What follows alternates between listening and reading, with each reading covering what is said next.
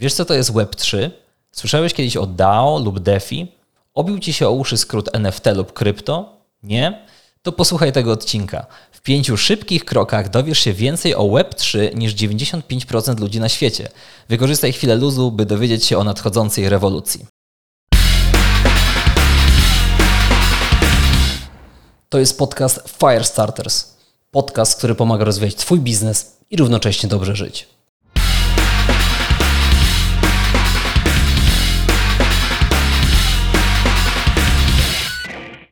Przed mikrofonem Sylwia Miłosz i Wiktor Piskusz. Zapraszamy Cię serdecznie do wysłuchania odcinka o Web3.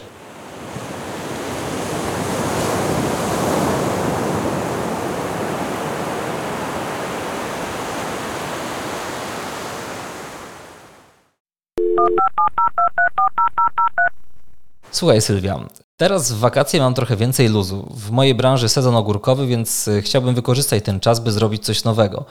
Ostatnio sporo słyszałem o Web3, że zbliża się jakaś rewolucja, że warto teraz działać, bo nie ma jeszcze dużej konkurencji.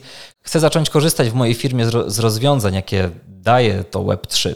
Tylko no nie do końca to ogarniam. Wiem, że ty siedzisz w temacie. Przybliżysz mi go? A co dokładnie chciałbyś wiedzieć? No wszystko. A najlepiej od czego zacząć na początku? Okej, okay. na początku był chaos. Internet z lat 90. Pamiętasz go? Tak, pamiętam. Pisku łączenia nie da się zapomnieć. Pamiętam długo ładujące się strony z prędkością 56 kilobitów na sekundę, internet po kablu telefonicznym i ten pisk przy łączeniu i awantury o za wysokie rachunki z Tepsą z rodzicami. Zawsze jak siedziałem w necie, moja mama pytała, ile jeszcze? Bo wiadomo, nie mogła do nikogo zadzwonić. Ale to jeszcze było za dzieciaka. Na Polsacie w 97 roku Piotr Rubik jeszcze zanim zaczął klaskać, prowadził program Multimedialny Odlot. Może pamiętasz. Mm, w tym programie e, wraz ze swoją partnerką Moniką recenzował gry. Na przykład nowość Heroes of Might and Magic 2 albo Turok. Wyciągał też stare gry z Lamusa, czyli z początku lat 90. I z nostalgią wspominał wtedy, jak to kiedyś było. W każdym odcinku był konkurs. Można było odpowiadać na kartkach pocztowych lub, uwaga, używając super nowoczesnej technologii skrzynki mailowej. Web 1, czyli ten początkowy internet, znany nam z lat 90., powstał około roku 89 w CERNie, czyli w Europejskiej Organizacji Badań Jądrowych. Celem tej, tego pierwszego wydania internetu było wyszukiwanie i czytanie treści. Co ciekawe, Strony, które wtedy istniały, były tylko do odczytu. Nie było w ogóle żadnych relacji między użytkownikami. Ale z drugiej strony zobacz, Rubik, o którym wcześniej wspominałam, starał się wciągnąć odbiorców w interakcję poprzez rozmowę, tworzyć społeczność i budować relacje. Co prawda ze szklanego ekranu, ale można było wysłać maila do telewizji i wygrać grę. I nie wiem, czy to pamiętasz, ja tak też nie do końca, bo jeszcze wtedy byłam dzieciakiem, ale trzeba było znać konkretny adres strony. Nie było czegoś takiego jak Google wtedy. Wpisywało się http dwukropek ukośnik ukośnik www. i dopiero wtedy adres. Często z końcówką .com. No dobra, ale po co mi to wszystko mówisz? Żebyś złapał kontekst.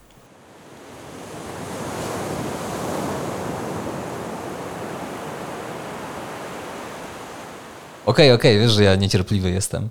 Trenuj cierpliwość i słuchaj dalej. Okej, okay, lecimy. Około roku 2004 nastała era Web 2.0, czyli takiego współczesnego internetu, który najlepiej znamy. No i tutaj ja mogę błysnąć wiedzą.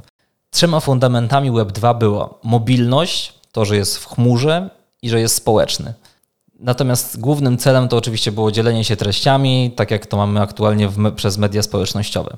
No tylko pojawia się jedynie jeden mały problem. Wszystkie nasze dane znajdują się w chmurze wielkich korporacji takich jak Google, Amazon czy Facebook. No i co to w praktyce oznacza? Że możemy wymieniać się treściami, ale to tak naprawdę ci giganci są teraz ich właścicielami, właścicielami tych treści.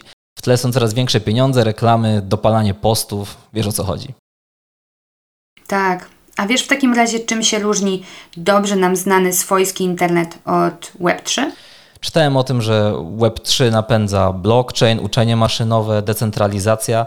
No i dodatkowo na stronach Web3 to ja jestem jedynym właścicielem moich danych. Obiły mi się też o uszy takie pojęcie jak DAO, DeFi, no i też mam kilka NFT w swoim portfelu. Widzę, że już coś tam wiesz. Komu mogę podziękować za doedukowanie Ciebie w tych kwestiach? Twórcom newslettera Web3 w minutę. No i super. Słuchaj, podstawową różnicą między Web 2, czyli obecnym internetem, a Web 3, czyli jego nowszą wersją, jest podejście do posiadania treści i danych. Obecnie materiały, które umieszczamy w sieci, nie są tak naprawdę naszą własnością. Są one własnością platform, na których się znajdują. Te dane są przechowywane w chmurach takich firm jak Facebook albo Google, więc tak naprawdę nie są nasze. I to był kolejny powód powstania Web3, czyli chęć zwrócenia użytkownikom prawa do dysponowania swoimi danymi. Okej, okay, czy to w takim razie oznacza koniec ery gigantów typu Facebook czy Google? Nie będzie ich już w Web3? Być może. Tego jeszcze nie wiemy. Giganci zarabiają ogromne pieniądze na reklamach właśnie dlatego, że dysponują Twoimi i naszymi ogólnie danymi. Jak będzie dalej, czas pokaże. Web3 przeniesie własność danych na twórcę, a służyć temu ma technologia blockchain. Podstawowe elementy tej technologii, czyli tokeny kryptograficzne i zapisane w nich informacje i smart kontrakty, mają zagwarantować bardziej sprawiedliwy system, będący odpowiedzią na ciągłe śledzenie i zapisywanie danych bez zgody użytkownika. A tak na chłopski rozum biorąc, Web3 możemy rozumieć jako zmianę sposobu obecności i działalności w sieci. To nie będzie tak, że zaraz nastanie dzień, gdy przeniesiesz swoją świadomość do metaversu i będziesz jeździć do wirtualnej pracy na złotym smoku z bastionów w asyście wysokich elfów. to raczej proces zmiany. Mamy próby stworzenia social mediów działających na podstawie portfela krypto. Są copywriterzy piszący o technologii, którym po przeczytaniu artykułu możesz dać napiwek z Etheru albo Bitcoina. Mamy już inicjatywy, w których można uczyć się świata Web3, na przykład Build Space. Albo wykorzystać tę zmianę do zwiększania kompetencji przedsiębiorcy, na przykład side hustle w startupie HeyEdu. Coraz częściej pojawiają się oferty marketingu Web3, na przykład w społeczności Jump. Na rynku NFT zwraca się uwagę już nie tylko na cenę, ale też na jakość grafik. I co jeszcze ciekawe, widzę, że zyskuje na wartości zawód community managera w projektach wirtualnych. Mhm. I słyszałem, że mówiłaś o Etherze i Bitcoinie, więc podejrzewam, że coś z tym wszystkim wspólnego mają kryptowaluty. Co dokładnie? Tak, masz rację. Dobrze słuchasz. E, technologia Web3 jest w dużym stopniu powiązana z dwiema ideami. Ideą tokenizacji i ideą decentralizacji. W świecie internetu bardzo często główną walutą są właśnie krypto. Czasami istnieją one tylko na potrzeby jakiejś społeczności, a czasami są odpowiednikiem chociażby akcji na giełdzie, jak te wspomniane przez, przeze mnie wcześniej Ethereum i Bitcoin. Mm, I Wiesz, istnieją już filmy na świecie, zwłaszcza za oceanem, ale nie tylko, gdzie część wynagrodzenia jest wypłacane w krypto. E, jakbyś powiedział to swojej babci, że część wynagrodzenia Twojego jest w e, wirtualnej walucie, to pewnie by popukała się w głowę. Ale to rzeczywiście istnieje i ludzie, którzy w ten sposób zarabiają, naprawdę mm, są z tego zadowoleni. E, co, co więcej, możliwość płacenia w krypto za usługi lub produkty kupowane w necie jest już normą. E, ostatnio sama wchodziłam na stronę internetową jakiejś usługi, e, hostingu albo czegoś takiego i oprócz tego, że mogłam zapłacić normalnie w złotówkach, mogłam też zapłacić w krypto, więc to już się dzieje. Ważne jest, żebyś pamiętał o tym, że system cały czas ewoluuje. To, że mm, system krypto wyglądał w pewien sposób kilka miesięcy temu, nie znaczy, że będzie wyglądał identycznie za parę miesięcy. I według mnie krypto ma jedną bardzo dużą zaletę. Trudno podrobić je. Dlatego uważam, że to będzie naprawdę dobry środek płatniczy. Super, to skoro jesteśmy już przy pieniądzach, powiedz mi coś więcej o, o DeFi. Pamiętam, że są to jakieś usługi finansowe w świecie Web3? Tak, tak, dokładnie. DeFi to zdecentralizowane usługi finansowe. Czemu zdecentralizowane? Ponieważ są oparte na publicznych łańcuchach bloków kryptowalutowych, głównie Ethereum. I ja wiem, to może brzmi skomplikowanie, ale takie nie jest. Za pomocą DeFi możesz wykonywać takie same operacje jak te, które y, oferują Ci banki. Czyli możesz zarabiać odsetki, zaciągać pożyczki, kupować ubezpieczenia, handlować instrumentami pochodnymi i obracać aktywami, przykład kryptowalutami. To, co różni DeFi od znanego nam systemu bankowego, to fakt, że wszystkie te operacje można robić szybciej i bez zbędnych formalności, czyli udziału osób trzecich. Jeśli dobrze rozumiem, nie muszę o nic wnioskować ani otwierać konta. Aby uzyskać dostęp, wystarczy stworzyć portfel. Jestem anonimowy w DeFi, nie muszę podawać swojego imienia i nazwiska, adresu e-mail ani żadnych innych danych osobowych. No i mogę też przenieść swoje aktywa w dowolne miejsce w dowolnym czasie bez pytania o zgodę. Zgadza się? Tak, tak, masz rację. A oprócz tego w DeFi mamy jeszcze dwie rzeczy, czyli szybkość i przejrzystość. Szybkość polega na tym, że oprocentowanie i nagrody są błyskawicznie aktualizowane, nawet co 15 sekund, i mogą być znacznie wyższe niż w przypadku tradycyjnych inwestycji na giełdzie. To oczywiście niesie też za sobą większe ryzyko, ale wiesz jak to jest, no risk, no fun.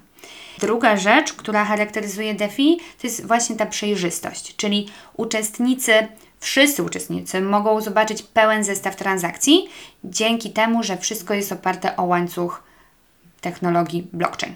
No dobra, to wszystko, to wszystko jest legalne, co na to banki? W Polsce DeFi nie są w żaden sposób uregulowane. KNF jeszcze się nie wypowiedziała na ten temat. To znaczy, że można w miarę swobodnie obracać kryptowalutami typu Bitcoin albo Ethereum i stablecoinami. Polskie prawo nie rozgranicza w żaden sposób tych środków płatniczych. Czerpanie zysków chociażby z tradingu krypto lub NFT niczym się nie różni od zysku, który osiągasz na przykład na giełdzie. Wygląda to standardowo, czyli po pierwsze, osiągasz zysk w postaci krypto. Po drugie, zamieniasz krypto na tak zwaną walutę fiat, czyli dolary amerykańskie, euro albo złotówki. Zamieniasz krypto na fiat po to, żeby móc wypłacić te pieniądze, no bo krypto nie wypłacisz z bankomatu. Po trzecie, płacisz podatek od zysku, czyli 19%. No i to wszystko, na tym się kończy. A jeszcze jedna e, rzecz, o której być może nie każdy wie. W Polsce jest tak, że jeśli nie zmienisz krypto na walutę fiat, to nie płacisz e, żadnego podatku od zysku, więc tak długo jak trzymasz e, krypto mm, na swoim portfelu MetaMask, nawet jeżeli osiągnąłeś zysk, nie musisz płacić podatku od zysku. Hmm, to ciekawe. Dzięki za wyjaśnienie. W takim razie mamy już korzyści z DeFi, ale pewnie tam, gdzie są zalety, są i wady, bo ja tutaj widzę przede wszystkim niedopracowane kwestie, bez, kwestie bezpieczeństwa, nową, no nie do końca przetestowaną do końca technologię, no i zmienne ceny gazu, czyli opłaty transakcyjnej za operacje na blockchainie. Tak, tak, masz rację. Mm, do tego dochodzą też kwestie podatkowe. Musisz prowadzić własną dokumentację do celów podatkowych albo zatrudnić księgową, która się na tym zna. W Polsce jest jeszcze niewiele księgowych, które wiedzą o co chodzi i które będą w stanie rzetelnie poprowadzić taką dokumentację. Mm, no i wiesz, przepisy mogą się różnić w zależności od kraju. Mhm. To w takim razie będę musiał zapytać, czy moja księgowa się zna. Okej, okay, DeFi to na pewno ciekawa opcja do przemyślenia, ale słyszałem też o DAO, że jest to jakaś organizacja demokratyczna, tylko w jakim sensie demokratyczna? DAO to zdecentralizowana, autonomiczna organizacja i jest bardzo ważnym elementem całego Web3. W największym skrócie to taka organizacja, która jest zarządzana w sposób demokratyczny. Czyli DAO pozwala na głosowanie anonimowe, bo każdy jego uczestnik identyfikowany jest za pomocą tokenu blockchain. To właśnie ten blockchain pozwala na szybkie i demokratyczne podejmowanie decyzji przez całą organizację. DAO to jest w ogóle podstawowa komórka zarządzająca projektami Web3. Pozwala ona na tworzenie produktu, który spełnia konkretne wymagania y, użytkowników czy to społeczności, a cała społeczność jest nastawiona na to, żeby wspólnie tworzyć rozwiązania, które będą przydatne. DAO pozwala na tworzenie produktu, który spełnia konkretne wymagania użytkowników lub społeczności. Natomiast cała społeczność jest nastawiona na takie działanie demokratyczne, żeby wspólnie tworzyć różnego rodzaju rozwiązania, przydatne rozwiązania. Mhm. A może by tak stworzyć DAO w oparciu o społeczność, którą zbudowałem? A kartą wstępu do tej organizacji będzie NFT, dobrze rozumiem? Tylko jak się za to zabrać? Najłatwiej czerpać wzorce z oceanu, bo oni są najbardziej zaawansowani, jeśli chodzi o zagadnienia Web3. Ale na naszym polskim podwórku też już są ludzie, którzy mają doświadczenie w temacie wdrażania NFT, budowania DAO, budowania DeFi. Prześlę Ci kilka przydatnych linków, gdzie możesz o tym posłuchać albo obejrzeć. Mhm. No właśnie, w temacie NFT właśnie od tego chyba bym zaczął, bo prywatnie już się w to bawię. Coś tam kupiłem, coś tam sprzedałem, trochę straciłem, trochę zarobiłem. Trzeba by to było wszystko podsumować, ale ogólnie myślę, że jestem na plus. No i też wiadomo, zdobyłem nieocenione doświadczenie. Y, a wiesz, w ogóle ostatnio tłumaczyłem swojej babci, co to jest NFT? I jak, zrozumiała? Tak, opowiedziałem jej o NFT w kontekście kolejki u lekarza kolejce każdy ma swój niepowtarzalny numerek, który jest unikalny. Możesz go oddać komuś innemu albo sprzedać lub korzystać z niego, by dostać się właśnie do lekarza. Przedstawia pewną wartość, no i pozwala ci na skorzystanie z tej wartości, czyli w tym wypadku na zbadanie albo dostanie recepty. Ale słuchaj, zastanawiam się nad inną kwestią. Jak wdrożyć NFT w firmie? Hmm, wiesz co, tego nie da się opisać w kilku słowach. To jest pewien proces, który trzeba zrozumieć. Ale wiesz co? W czwartym odcinku podcastu Firestarters Mirek Burnejko, kojarzysz gościa, opowiada o tym, jak wdrożył NFT w swoich firmach i przedstawia prosty plan na wdrożenie NFT do jakiejkolwiek firmy. Posłuchaj, jak będziesz wracał do domu. Naprawdę polecam. Super, super. Przesłucham, jak będę wracał. Dzięki jeszcze raz, Sylwia, za wszystko. A teraz lecę rozłożyć parawan, bo miejsca zabraknie na plaży. Cześć. Cześć.